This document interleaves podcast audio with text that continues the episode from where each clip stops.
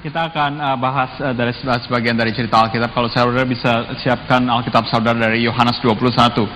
Sementara saudara menyiapkan uh, diri saudara uh, buka Alkitab Yohanes 21, uh, saya ceritakan sedikit uh, apa yang terjadi pada pada saya pada pagi hari ini. Jadi pesawat saya itu jam 7.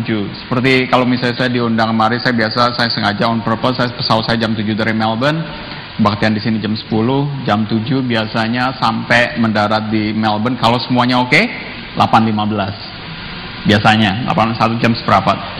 Nah biasanya saya bilang sama Pak Agus saya bilang jemput saya jam 9 karena kebaktian jam 10 jadi biasanya itu antara 8.15 sampai jam 9 di airport ya saya um, I have my own time lah gitu. Saya saya doa saya I, I prepare myself and everything. Tapi uh, tadi pagi jam 7 uh, 6.50 udah disuruh boarding kita semua udah masuk. 7.15 pesawat belum belum nggak bergerak sama sekali. Tiba-tiba pilotnya bilang ada kerusakan pesawat. Uh, semuanya akan harus diganti ke pesawat lain. Nah, saya pikir hang on kejadian ini terjadi tahun lalu kayaknya. Kayaknya saya setiap kali ke sini kok selalu pesawatnya rusak. Anyway uh, jadi karena karena tahun lalu begini juga. Exactly seperti ini juga. Jadi akhirnya saya harus keluar pesawat um, pilotnya bilang the next pesawat katanya uh, jam 8 katanya pergi ke um, gate number 12 ya akhirnya saya, uh, saya uh, on the way ke gate nomor 12 saya telepon Payan, uh, saya telepon um, Om Samto saya bilang oh just be aware pesawat saya di cancel lagi. Um, pesawat the next pesawat jam 8 kalau saya bilang terbangnya tepat waktu jam 8 saya semestinya sampai di Sydney 9.15 satu jam seperempat uh, turun mendarat 9.15 mungkin keluar keluar dari pesawat keluar dari keluar dari terminal mungkin 9.30 uh, here I am. So puji Tuhan. Uh, akhirnya sampai tepat waktu dan dan dan saya juga percaya itu mungkin pesawat itu rada dikebut juga gitu. Karena biasanya 1.15 dia jam satu jam itu udah tepat satu jam pesawatnya udah uh, udah sampai. Karena karena banyak juga orang yang yang connecting flight ke ke international. Jadi mungkin pilotnya juga rada ngebut kali Anyway, puji Tuhan saya ada di sini. Kita buka uh, Yohanes uh, 12. Uh, sebelum saya mulai, saya terima kasih kepada uh, Cimena, Cimenada dan Cimenda dan uh, para pemimpin di sini yang mengundang saya kembali. Uh, thank you semuanya untuk para jemaat juga. Thank you juga buat uh, tim praise and worship yang melayani kita pagi hari ini. Oke, okay. Yohanes 21 supaya kita ada sedikit gambaran mengenai cerita ini kita kita baca ya. Kita baca Yohanes 21 ayat 1 sampai 14. Saya akan bacakan aja supaya cepat. Jadi while kita baca ini jadi saudara try to grasp uh, cerita cerita uh, kisah tersebut. Yesus menampakkan diri kepada murid-muridnya di pantai Danau Tiberias. Ayat pertama. Kemudian kemudian Yesus menampakkan diri lagi kepada murid-muridnya di pantai Danau Tiberias dan ia menampakkan diri sebagai berikut. Di pantai itu berkumpul Simon Petrus, Thomas yang disebut Didimus, Nathanael dari Kana yang di Galilea, anak-anak Zebedus dan dua orang muridnya yang lain. Kata Simon Petrus kepada mereka, "Aku pergi menangkap ikan." Kata mereka kepadanya, "Kami pergi juga dengan engkau." Maka berangkatlah maka berangkat lalu naik mereka, naik ke perahu, tetapi malam itu mereka tidak menangkap apa-apa. Ketika hari mulai siang, Yesus berdiri di pantai, akan tetapi murid-murid itu tidak tahu bahwa itu adalah Yesus. Kata Yesus kepada mereka, Hai anak-anak, adakah kamu mempunyai lauk pauk? Jawab mereka, tidak ada. Maka kata Yesus kepada mereka, tebarkanlah jalamu di sebelah kanan perahu, maka akan kamu peroleh Lalu mereka menebarkannya dan mereka tidak lagi mereka tidak dapat menariknya lagi karena banyaknya ikan. Maka murid yang dikasihi Yesus itu berkata kepada Petrus, "Itu Tuhan." Ketika Petrus mendengar bahwa itu adalah Tuhan, maka ia mengenakan pakaiannya sebab ia tidak berpakaian, lalu terjun ke dalam danau. Murid-murid yang lain dengan datang dengan perahu karena mereka tidak jauh dari darat, hanya kira-kira 200 hasta saja dan mereka menghela jala yang penuh ikan itu. Ketika mereka tiba di darat, mereka melihat api arang yang uh, dan di atasnya ikan dan roti. Kata Yesus kepada mereka, "Bawalah beberapa ikan yang baru kamu tangkap itu." Simon Petrus naik ke perahu lalu menghela jala itu ke darat, penuh ikan-ikan besar, 153 ekor banyaknya. Dan sungguh pun sebanyak itu jala itu tidak koyak. Kata Yesus kepada mereka, marilah dan sarapanlah. Tidak ada di antara murid-murid itu yang berani bertanya kepadanya, siapakah engkau? Sebab mereka tahu bahwa ia adalah Tuhan. Yesus, Yesus maju ke depan mengambil roti dan memberikannya kepada mereka, demikian juga ikan itu. Itulah ketiga kalinya Yesus menampakkan diri kepada murid-muridnya sesudah ia bangkit dari antara orang mati. Nah, saudara udah pernah mendengar kisah ini mungkin berkali-kali. Uh, saya mau mengajak saudara melihat dari dari perspektif yang sedikit berbeda. Kejadian ini ini uh, ini terjadi sesudah uh, ketika Yesus sudah bangkit. Alkitab katakan Uh, sesudah Yesus bangkit sampai dia terangkat ke surga itu ada ada ada 40 hari di mana dia tuh ada di dunia menampakkan diri kepada kepada murid-muridnya memberitakan tentang tentang kerajaan Allah. Ada 40 hari. Ketika Yesus sudah bangkit dia menampakkan diri kepada murid-muridnya secara uh, bukannya secara personal yang yang dengan secara gerombolan 12 muridnya ini dan murid-murid lain itu Alkitab katakan tuh ada tiga kali Tiga kali yang yang ketika mereka berkumpul bersama-sama. Yang pertama itu ada uh, di dalam Yohanes 20 itu ketika satu hari sesudah Yesus bangkit, murid-muridnya itu mengunci pintu, berdoa bersama-sama. Alkitab katakan karena mereka takut uh, terhadap orang Yahudi. Ini satu hari sesudah Yesus bangkit. Mereka mengunci pintu, tiba-tiba Yesus datang, damai sejahtera bagimu. Ini ini ini aku, lihatlah tanganku udah ada bekas pakunya, lihat lumbungku, itu hari pertama. Dan penampakan Yesus yang pertama kepada murid-muridnya. Alkitab uh, katakan juga dalam Yohanes 20, delapan hari kemudian, Yesus menampakkan diri lagi. Kejadiannya hampir sama. Pintu dikunci, semua orang lagi berdoa, tiba-tiba Yesus datang. Damai sejahtera. Nah perbedaan antara yang pertama dan yang, yang kedua, yang pertama itu Thomas nggak ada. Jadi cuma murid-murid Yesus yang yang lain. Nah yang kedua terus kemudian in between Thomas bilang aku nggak percaya kalau sebelum aku melihat dan mencucukkan jariku. Nah pas kedua kali Thomasnya ada. Nah Tuhan Yesus bilang ini aku, hey Thomas coba kamu masukkan jari jarimu uh, lihat ini semua ini aku. Kedua kali. Yang ketiga kali ini ya, di, di dalam kisah ini apa yang apa yang kita baru baca.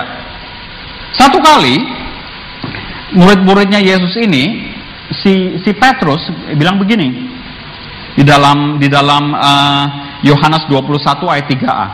Kata Simon Petrus kepada mereka, "Aku pergi menangkap ikan."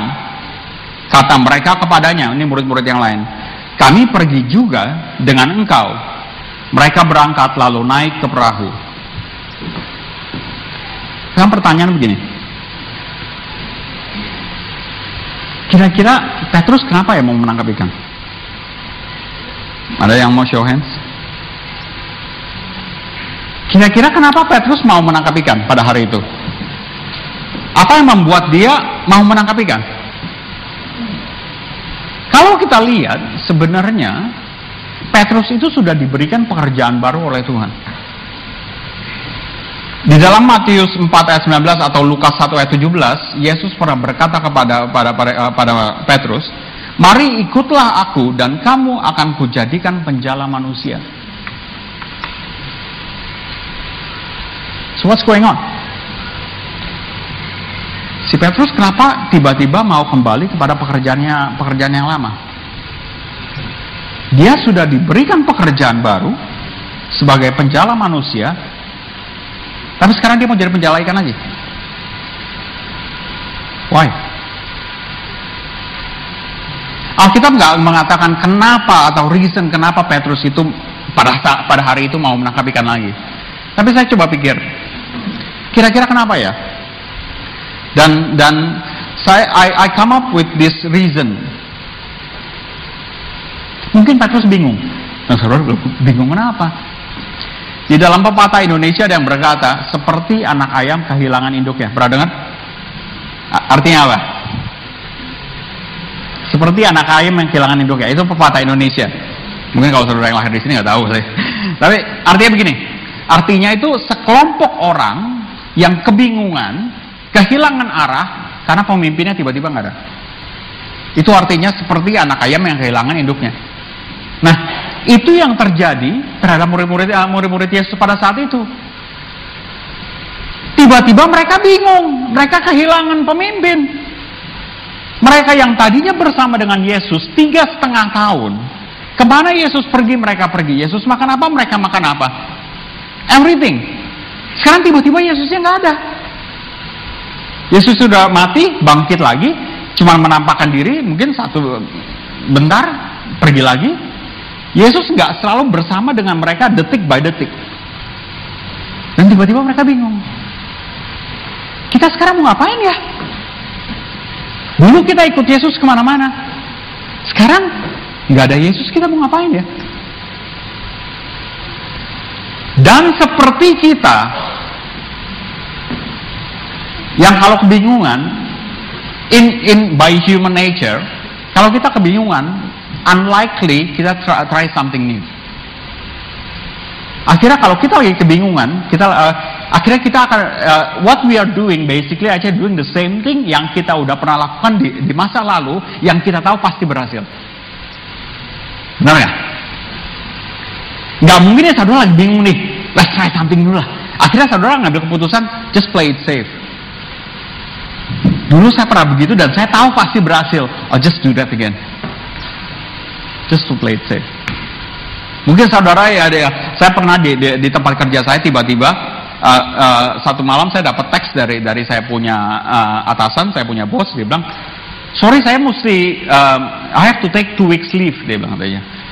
Karena dia harus keluar negeri, mungkin ada ada ada ada uh, sanak family yang sakit. Ya, saya bingung lah besoknya dia bilang katanya, ah, can you can you cover me while while I'm on leave. Nah, dia tiba-tiba mendadak ambil annual leave, nggak ada handover apa-apa. Saya disuruh cover dia dua, dua minggu, ya bingung lah.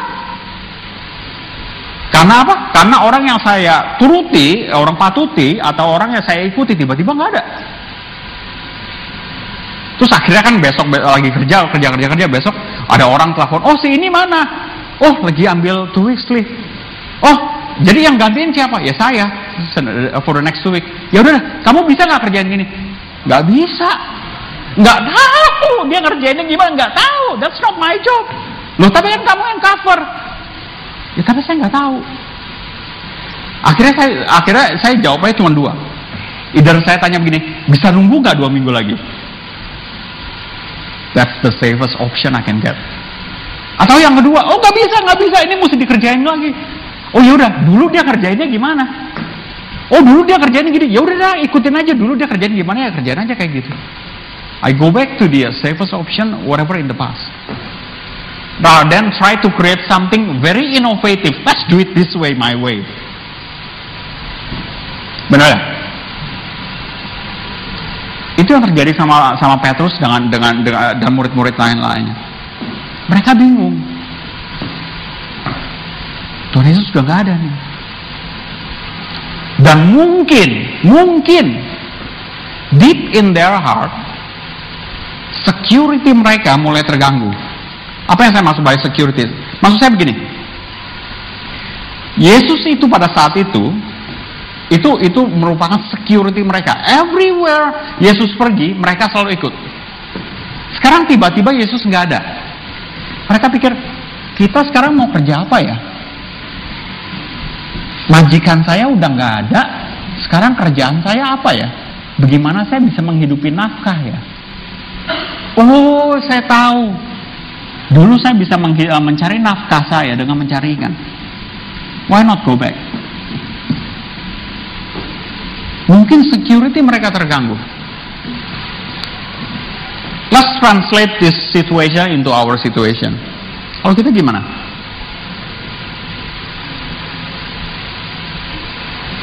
Di dalam kehidupan kita ada banyak uh, masalah-masalah uh, yang datang di dalam kehidupan kita.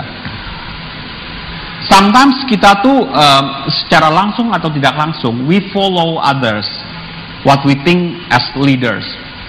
Mungkin kayak tadi seperti yang saya contoh saya uh, majikan saya atau atau bos saya mungkin pendeta saudara, mungkin mungkin guru saudara kalau saudara sekolah.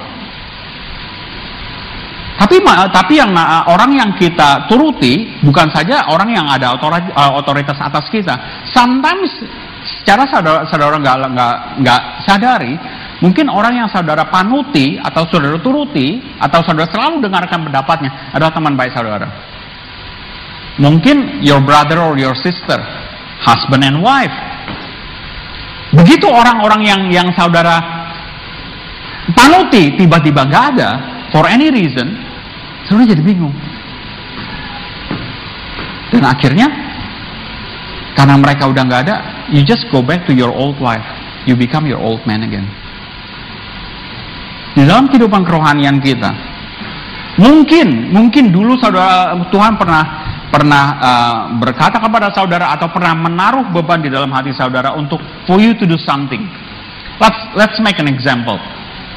Mungkin mungkin saudara pernah Tuhan pernah taruh dalam hati saudara satu hari uh, aku akan memakai engkau menjadi hambaku. Mungkin Not necessary jadi hamba Tuhan, mungkin juga jadi guru Sunday school, mungkin juga saudara di, diberikan diberikan suatu hati untuk untuk visit uh, panti jompo atau panti asuhan, anything, anything that God put in your heart in the past. Pertama kali saudara dapat itu, aduh, bersemangat sekali. Yes Lord, I'll do that, I'll do that everywhere, uh, everywhere I have to go, I will go. Saudara mulai bersemangat, bersemangat, bersemangat You, you do what, what God actually asks you to do. Lama-kelamaan, lama-kelamaan, tiba-tiba saudara pikir, loh kok tambah susah ya? Kok pekerjaannya tambah susah ya? Pelayanan uh, pelayanannya tambah susah ya? Apa yang Tuhan berikan di dalam uh, hati saudara, kok kayaknya tambah susah ya? Gak segampang hari pertama atau hari kedua. Tapi saudara, ah nggak apa-apa, terusin aja, terusin aja. Makin lama, makin lama, udah tambah susah. Oh saudara mulai mikir, ini Tuhan benar bukan ya? Apa Tuhan yang ngomong bukan ya? Salah kali. Salah. Kok tambah susah ya? Atau saudara berasanya kok dulu kayaknya for the first week dapat dapat uh, dapat um, beban yang dari Tuhan kok kayaknya very easy gitu. Ini udah sebulan kok kayaknya Tuhannya nggak ada lagi ya. Kok Tuhannya nggak ngomong sama saya lagi ya? That doesn't mean that God is not around, but you feel it that way. Dan akhirnya apa? Kita tendensi gimana? Aduh, tambah susah. Salah dengar kali saya. Akhirnya saudara quit. Saudara kembali kepada pekerjaan saudara yang lama. Panggilan Tuhan berhenti sampai di situ aja. That's because you don't feel God is around you. Dan saudara jadi manusia lama lagi. You go back to your old job again.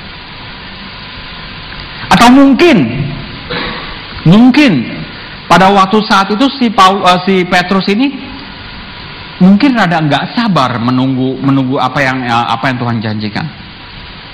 Saudara ingat Tuhan eh, Yesus bilang apa kepada murid-muridnya?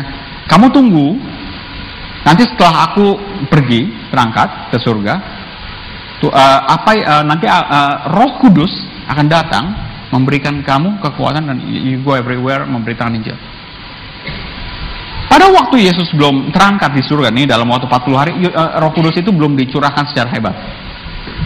So so at the moment at that time tuh Petrus mungkin cuman lagi nunggu gitu. Nah tapi kan si Petrus itu nggak tahu Roh Kudusnya datangnya kapan. Yang nggak tahu loh Tuhan Yesus nggak pernah bilang minggu depan ya hari Senin jam 2 nggak gitu. Petrus cuma dibilang diberikan janji. Tapi kan dia tunggu-tunggu, udah dua minggu. Ingat tadi saya bilang Yesus udah, udah, udah, udah 40 hari dan dia pada saat itu udah dua minggu. Ini janjinya benar nggak ya? Ini janjinya benar nggak ya?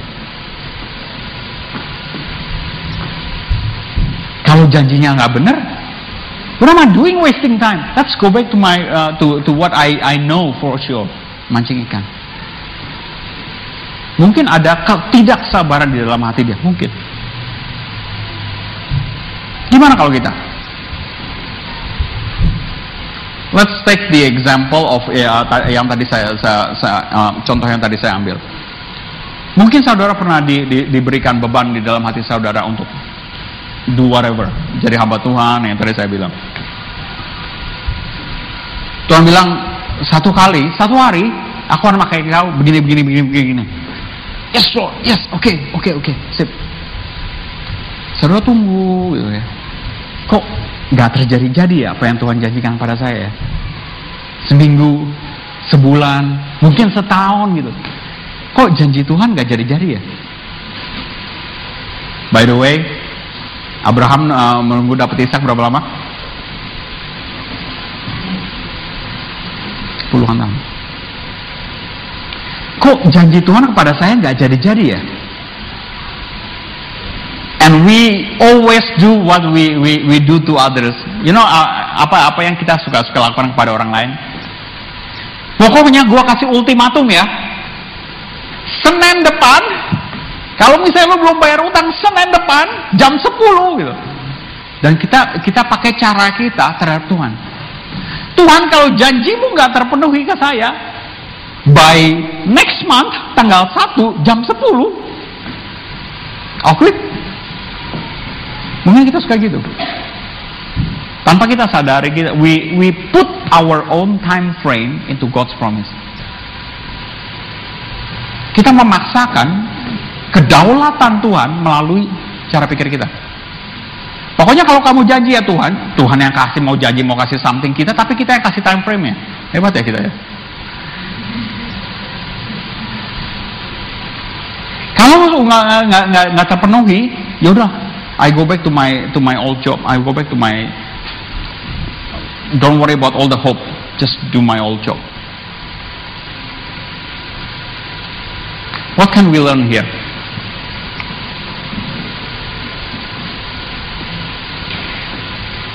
Ada satu hal yang menarik dari, dari, bagaimana cara Yesus itu memanggil uh, to to get the, uh, the the attention dari dari dari murid-muridnya lagi. Yesus nggak marah-marah. Yesus nggak nggak omel-omel. Kamu ya ngapain mancing ikan lagi? Yesus nggak nggak bilang, bukan suruh jadi penjala ikan.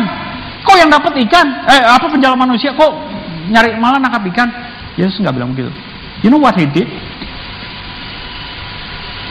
Dia berikan mujizat yang sama ketika dia memanggil Petrus pertama kali. Ingat waktu pertama kali dia manggil Petrus? Exactly the same mujizat. Waktu dia pertama kali manggil Petrus, eh, Tuhan Yesus bilang, ya lemparkan jalanmu ke sini. Dan tiba-tiba dapat ikan banyak the same thing happen again. Ketika the same thing happen again, mujizat yang sama lagi, maka langsung Yohanes bilang, itu Tuhan. Karena Alkitab katakan apa? Sebelumnya mereka nggak tahu kalau yang ngomong itu Tuhan. Dari situ langsung uh, Petrus buka berenang berenang berenang mendapati Yesus. That's when everything's back to normal again. Karena kalau saudara baca perikop selanjutnya, Tuhan Yesus berkata, Hai Petrus, Simon, Simon, Simon, apakah engkau mengasihi aku? Pagi ini, buat setiap daripada kita, for those of you yang Tuhan pernah taruhkan satu beban di dalam hati saudara, whatever it is, coba saudara ingat lagi. It's not that God will strike you for not doing that. Dan kalau uh, dan dan Tuhan Tuhan may not use the tangan besi bagaimana.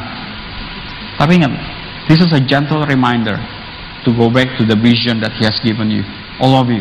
Dan saya percaya karena uh, karena Tuhan itu memberikan setiap daripada kita berbeda-beda, whatever it is.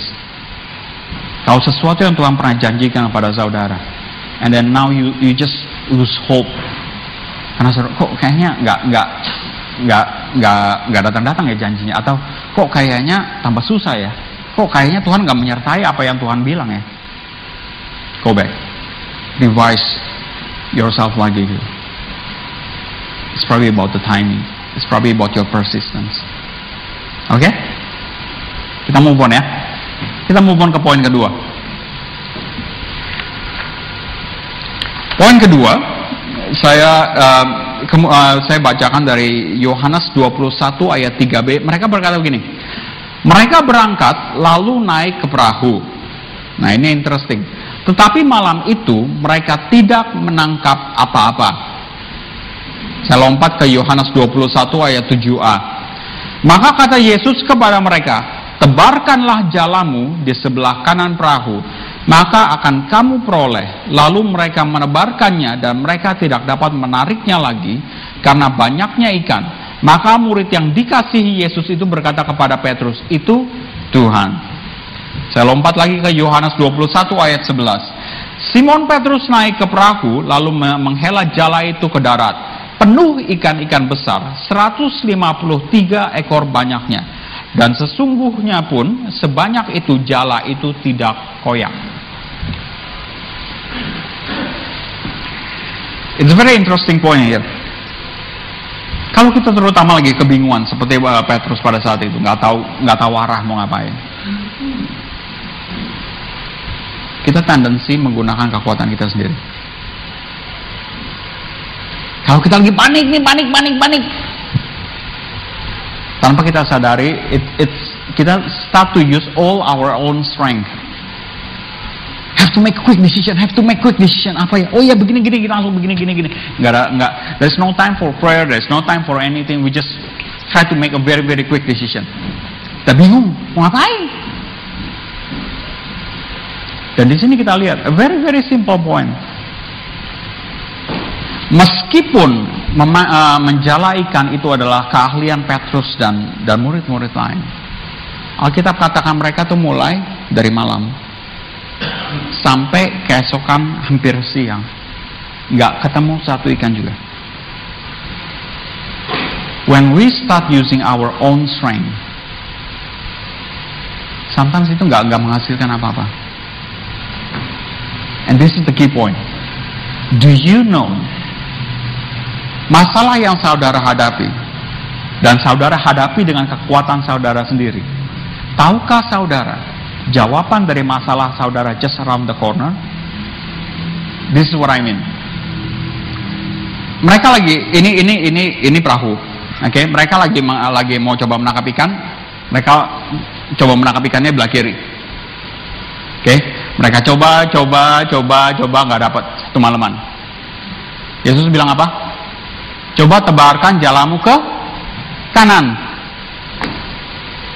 Sekali dapat ikan banyak.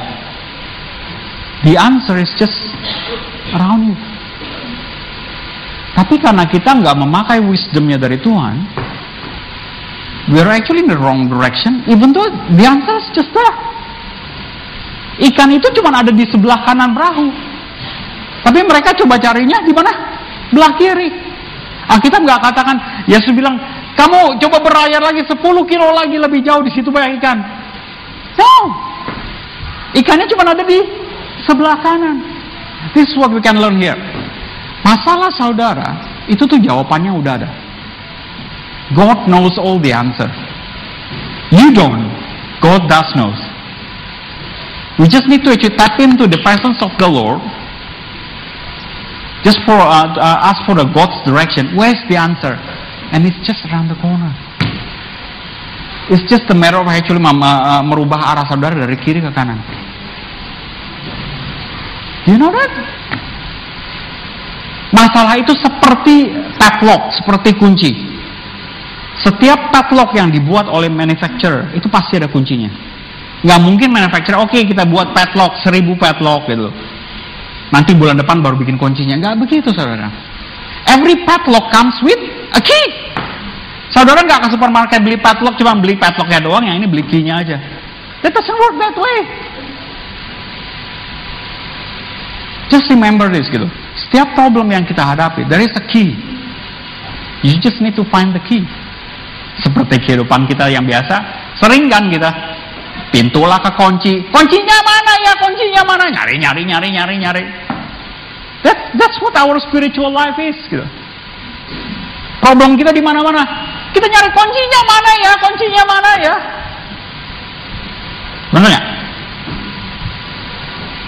And the answer is just around the corner. Saya sering dengar uh, dan saya yakin saudara sering dengar begini juga. Kalau orang suka lagi curhat, orang lagi komplain, iya nih, gue udah begini, gue udah begitu, gue udah lakukan ini, gue udah lakukan itu, kurang apa lagi? Sering nggak pernah, pernah dengar gak sih orang kayak gitu? Atau cuma saya doang? Orang orang tuh kalau lagi lagi komplain kan suka ngomongnya gitu. Udah begini, udah begitu, kurang apa lagi? Jawabannya cuma satu. Kamu kurang penyerahan kepada Tuhan. Karena begitu kamu bilang, saya sudah begini, saya udah begitu, udah begini, udah begitu, kurang apa lagi? That's just to show us you're using your own strength. Saya udah begini, saya udah begitu. It's just your own strength. Kurang apa lagi? Ya kurang penyerahan kepada Tuhan. That's what uh, uh, kurangnya apa ya kurang penyerahan kepada Tuhan. That's it. Oke? Okay? Contoh, contoh, contoh, contoh. Say ini ini cuma contoh. Oke, okay? nanti saudara apply ke your own life, alright? Is that right? Yeah. Ini saya, saya saudara seorang student. Saya seorang saudara seorang student. Saudara seorang student, saudara mau exam nih. Say um, subjeknya, I don't know, history. Let's pick a history. Saudara mau, mau belajar, oh ya ada subjek history. Nah, seperti orang Indo biasanya, kalau udah satu minggu baru exam baru mau mulai belajar. Jadi nggak nggak nggak nggak. Jadi udah ada mepet gitu, kopi banyak segala macam. Nah, udah belajar pas mau ngeliat buku examnya kan tebel-tebel nih buku di sini. Wah ini nggak bisa nih baca segini, nggak mungkin, ini nggak mungkin perlu perlu mujizat begini. Akhirnya saudara apa? Oke, cari-cari pas exam paper. Wah, pas exam paper, pas exam paper for the past five years. For the past five years. Saudara mulai analisa, rather dan belajar, saudara menganalisa pas exam paper. Kayaknya setiap tahun ada pertanyaan tentang perang dunia pertama. Wah, tahun lima tahun yang lalu ditanya itu, empat tahun yang lalu ditanya lagi, tiga tahun lalu ditanya lagi, tahun lalu juga ditanya pasti tahun ini ada pertanyaan perang dunia pertama. Selalu lihat di buku, oh perang dunia pertama chapter 3. Chapter 3. Mati-matian saudara belajar chapter 3. The rest bodoh amat. Karena pasti ada perang dunia pertama pertanyaannya. Guess what? Gak ada. Pertanyaannya ternyata perang dunia kedua. And you wanna blame God for it? Kalau saudara nggak pas, do you know that the answer is just around the corner? It's just next chapter. If only, if only waktu saat itu saudara bilang, um, saudara Tuhan gimana gitu? Saya pikir unlikely Tuhan bilang belajar perang dunia pertama atau perang dunia, ya ya mungkin, bukan bukannya nggak mungkin, mungkin. But but but I believe Holy Spirit will will guide you at least to cover everything gitu. To cover everything or, or probably then then you you will spend sometimes probably in, in perang dunia kedua. So at least you can answer the question. Sometimes the the, the answer is just just around there gitu. Sometimes the, the the the history exam question it's not something out of the blue gitu. Perang dunia ketiga nanti di mana ya gitu. Enggak enggak gitu gitu loh. It's just there. It's just around the corner. We just need to tap in into the presence of the Lord. God, give me wisdom. Give me wisdom. I've got this problem. Give me wisdom. I've been trying to do this, this, this, this, this. And I surrender. Give me wisdom. Where's the answer? And by God's grace, then God, will lead you to the answer. Amin. Kita move on ya. Kita poin ketiga. Poin ketiga, saya ambil dari Yohanes 21 ayat 3b. Berkata begini. Mereka berangkat lalu naik ke perahu. Tetapi malam itu mereka tidak menangkap apa-apa. Seperti yang kita sudah tahu. Ah, sorry, sorry, sorry. I missed that. Sorry, sorry, sorry. Yohanes 21 ayat 5. Yohanes 21 ayat 5. Berkata begini. Kata Yesus kepada mereka, Hai anak-anak, adakah kamu mempunyai lauk pauk? Jawab mereka, tidak ada. Kalau saudara baca uh, terjemahan NIV, itu berkata begini, He called out to them, Friends, haven't you any fish? Apakah kamu punya ikan? Itu itu itu terjemahan Inggrisnya. Yohanes 21 ayat 9. Ketika mereka tiba di darat, mereka melihat api arang dan di atasnya ikan dan roti. Saudara menemukan ke keganjilan nggak dari ceritanya? Eh? Yang manggut-manggut coba keganjilannya apa? Hah? Kenapa? Kenapa? Udah ada ikan? Sponon. Sponon, well done. Saya berasa berasa ganjil nggak sih? Kalau saya tanya, eh, minta ikan dong. Kamu punya ikan nggak? Mari, mari, mari, let's breakfast together. Oh nggak ada, nggak punya ikan. Padahal saya udah punya ikan. Padahal saya punya ikan loh. Apa yang saya mesti minta-minta?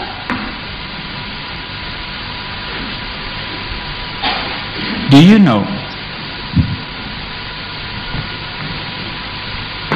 Kadang tuh apa yang kita mau, apa yang kita butuhkan, itu tuh sebenarnya Tuhan tuh udah ada dan dia udah tahu, dia udah punya. Murid-murid uh, mencoba menangkap ikan, mereka nggak ketemu ikan. Apa yang mereka mau adalah ikan.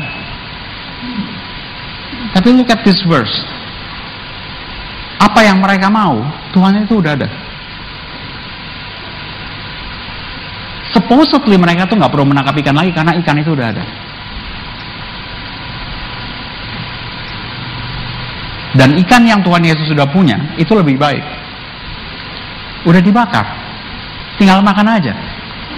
Daripada mesti nangkep, mesti dibersihin lagi, dicuci lagi baru dibakar. Don't you know that sometimes kita minta sesuatu kepada Tuhan, Tuhan tuh punya jauh lebih baik dari apa yang kita minta?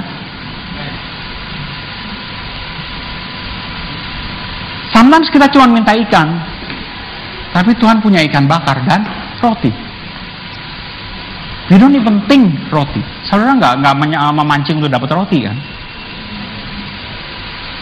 But God has already.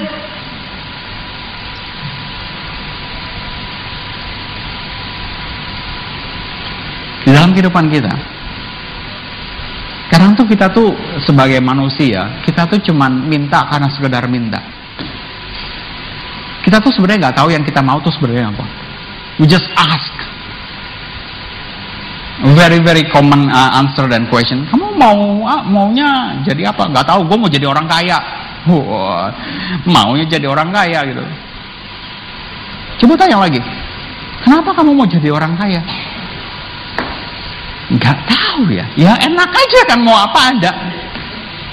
Mau rumah lima ada. Punya mau orang kaya punya rumah lima. Oh gitu. Tapi at any given time you can only live in one. You can't split yourself into five. You can only live one. That's okay. There's nothing wrong being uh, being being kaya dan there's nothing wrong punya rumah lima. That's not the point. The point is, you really know what you want? Saya kenal seseorang. Saya dari Jakarta. Saya uh, di Jakarta tuh ada yang namanya puncak. Mungkin di uh, you know, it used to be very cool and cold now no more. Anyway, jadi ini lama sekali 10 tahun lah yang lalu uh, ini ini uh, orang yang saya kenal ini orang yang lumayan berada dia tuh beli villa di puncak. Ya, ya kayak kalau di sini bilang tahu nggak sih kalau saya ngomong puncak tahu lah ya? Ya. Ya. Takutnya udah kelamaan di sini. Uh, uh, dia dia punya villa di puncak. Dia dia beli rumah uh, proper villa di puncak. Waktu pertama sesudah the first six months waktu beli, wah kita senang sekali. Kita pergi ke tempat itu, kayaknya liburan, weekend, you know, beli jagung segala macam, segala macam. Life's good. Lama-lama, nggak ada yang mau pergi ke vilanya. Terus saudara tanya, lu kenapa? Apakah karena puncak, puncak sekarang panas? Enggak, enggak, bukan soal itu.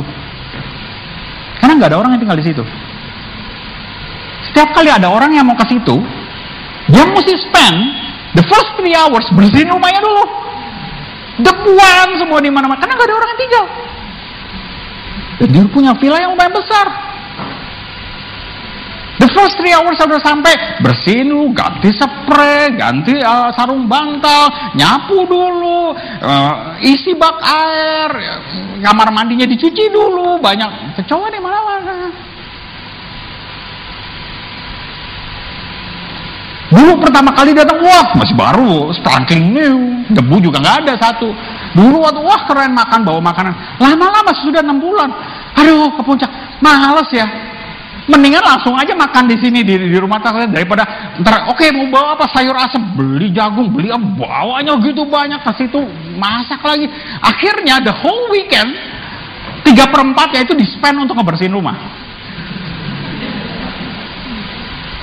And the question is is it worth it? Like I said, there is nothing against punya villa di puncak, there is nothing against being jadi kaya, there is nothing against punya rumah 10. But what do you really want? Kalau Tuhan taruh dari dalam uh, di, di hati saudara, look, I'm gonna call you to be a rich man, which is possible, and I want you to be a blessing for other people. I want actually use you through you, through your wealth, to bless somebody in Africa. Who knows? Then so be it. Tapi kalau misalnya saudara sendiri juga nggak tahu sebenarnya mau apa, menjadi kaya, so what? Bersihin doang tiga tiga perempat, you know, villa di puncak. Back to this uh, this point again. God knows what you want. God knows what you need. Sometimes you just say, I want fish. But you have to go through the process yourself, bersihin ikan, bakar sendiri. But God's got everything that you need. He's got ikan bakar with for you. Plus rotinya. Tahukah saudara ketika Salomo ditanya Tuhan, kamu mau apa? Salomo, uh, Salomo bilang Tuhan, saya mau hikmat.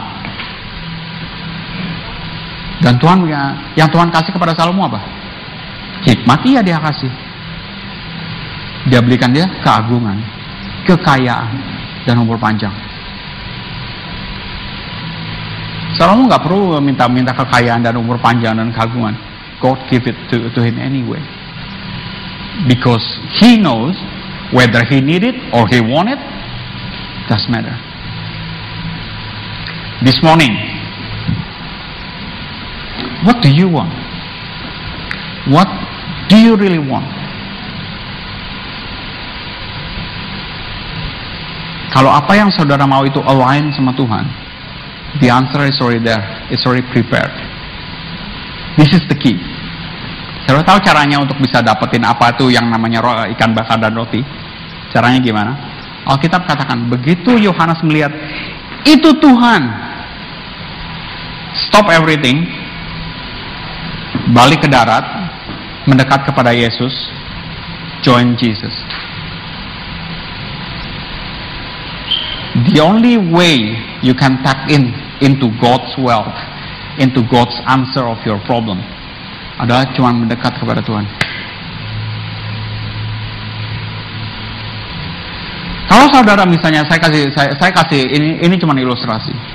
Saudara bilang, look, I, I need money, I need I need ten dollars for example. Mungkin Ayu yang disuruh, oh Ayu, Ayu, oh look, oh, William, I need ten dollars. I've got ten dollars here, I've got ten dollars. Tapi kalau Ayu tetap stay di situ, she will not get this 10 dollars. What she needs to do itu exactly seperti apa yang dia lakukan ada seperti murid-murid Yesus. Drop everything. Come to Jesus. Mendekati kepada Yesus. Then you will get the 10 uh, dollars. That's what you need, uh, you need to do, folks. Mendekat kepada Yesus. That's when you start opening the, the, the heaven's gate for all the blessing. Amin. Saya akan tutup. Di dalam kisah ini, Yesus itu mengajarkan kepada murid-muridnya tentang tiga hal. Yang pertama tentang kembali kepada visi yang mula-mula, kepada panggilan mereka yang mula-mula. Yang kedua, dia mengajarkan murid-muridnya untuk tidak mengandalkan kekuatan mereka sendiri, kepintaran mereka sendiri, keterampilan mereka sendiri, experience mereka sendiri.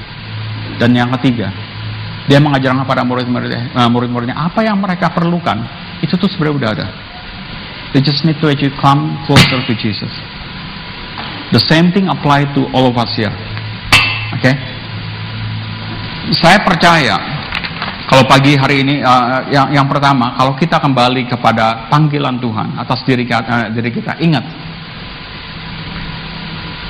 saya mau um, ayat referensi saya mau berikan dari 2 Korintus 5 ayat 17. Sorry. 2 Korintus 5 ayat 17 berkata begini. Jadi siapa yang ada di dalam Kristus, ia adalah ciptaan baru. Yang lama sudah berlalu, sesungguhnya yang baru sudah datang. Ingat, saudara adalah ciptaan baru. Manusia-manusia baru. You've got a new vision. You've got a new job. Oke, okay? Don't go back to your old own vision. Don't go back to your own old job. Don't go back to your old, old human being. Amin. Yang kedua, jangan mengandalkan kekuatan kita sendiri. Yohanes 15 ayat 5 berkata begini, Akulah pokok anggur dan kamulah ranting-rantingnya. Barang siapa tinggal di dalam aku dan aku di dalam dia, ia berbuah banyak. Sebab di luar aku tidak uh, kamu tidak dapat berbuat apa-apa. Kalau kita di dalam Tuhan, ingat, the only thing, the only way we, uh, kita bisa fruitful kalau kita stick in into dia pokok anggur tersebut. Kalau saudara ada kalau saudara ada Alkitab katakan kita itu ranting. Kalau ranting itu putus dari dari pokok dari dari batang, ranting itu putus jatuh ke apakah dia bisa menghasilkan anggur? Yang simple as that. Untuk saudara bisa menghasilkan anggur, you have to stick with the, uh, sama batangnya. Oke? Okay? Dan yang ketiga, kita harus menyadari itu, apa pun yang kita mau, apa pun yang kita inginkan, the answer itu udah ada. Tuhan tuh udah menyediakan semuanya. You just need to come closer to Jesus to get it. Oke? Okay? Efesus 3 ayat 20 berkata begini, Bagi dialah yang dapat melakukan jauh lebih banyak daripada yang kita doakan atau pikirkan seperti yang ternyata dari kuasanya yang bekerja di dalam kita. God will provide you with everything beyond your dream, beyond your thinking. Because that's our God. Oke? Okay? Terima kasih Tuhan memberkati.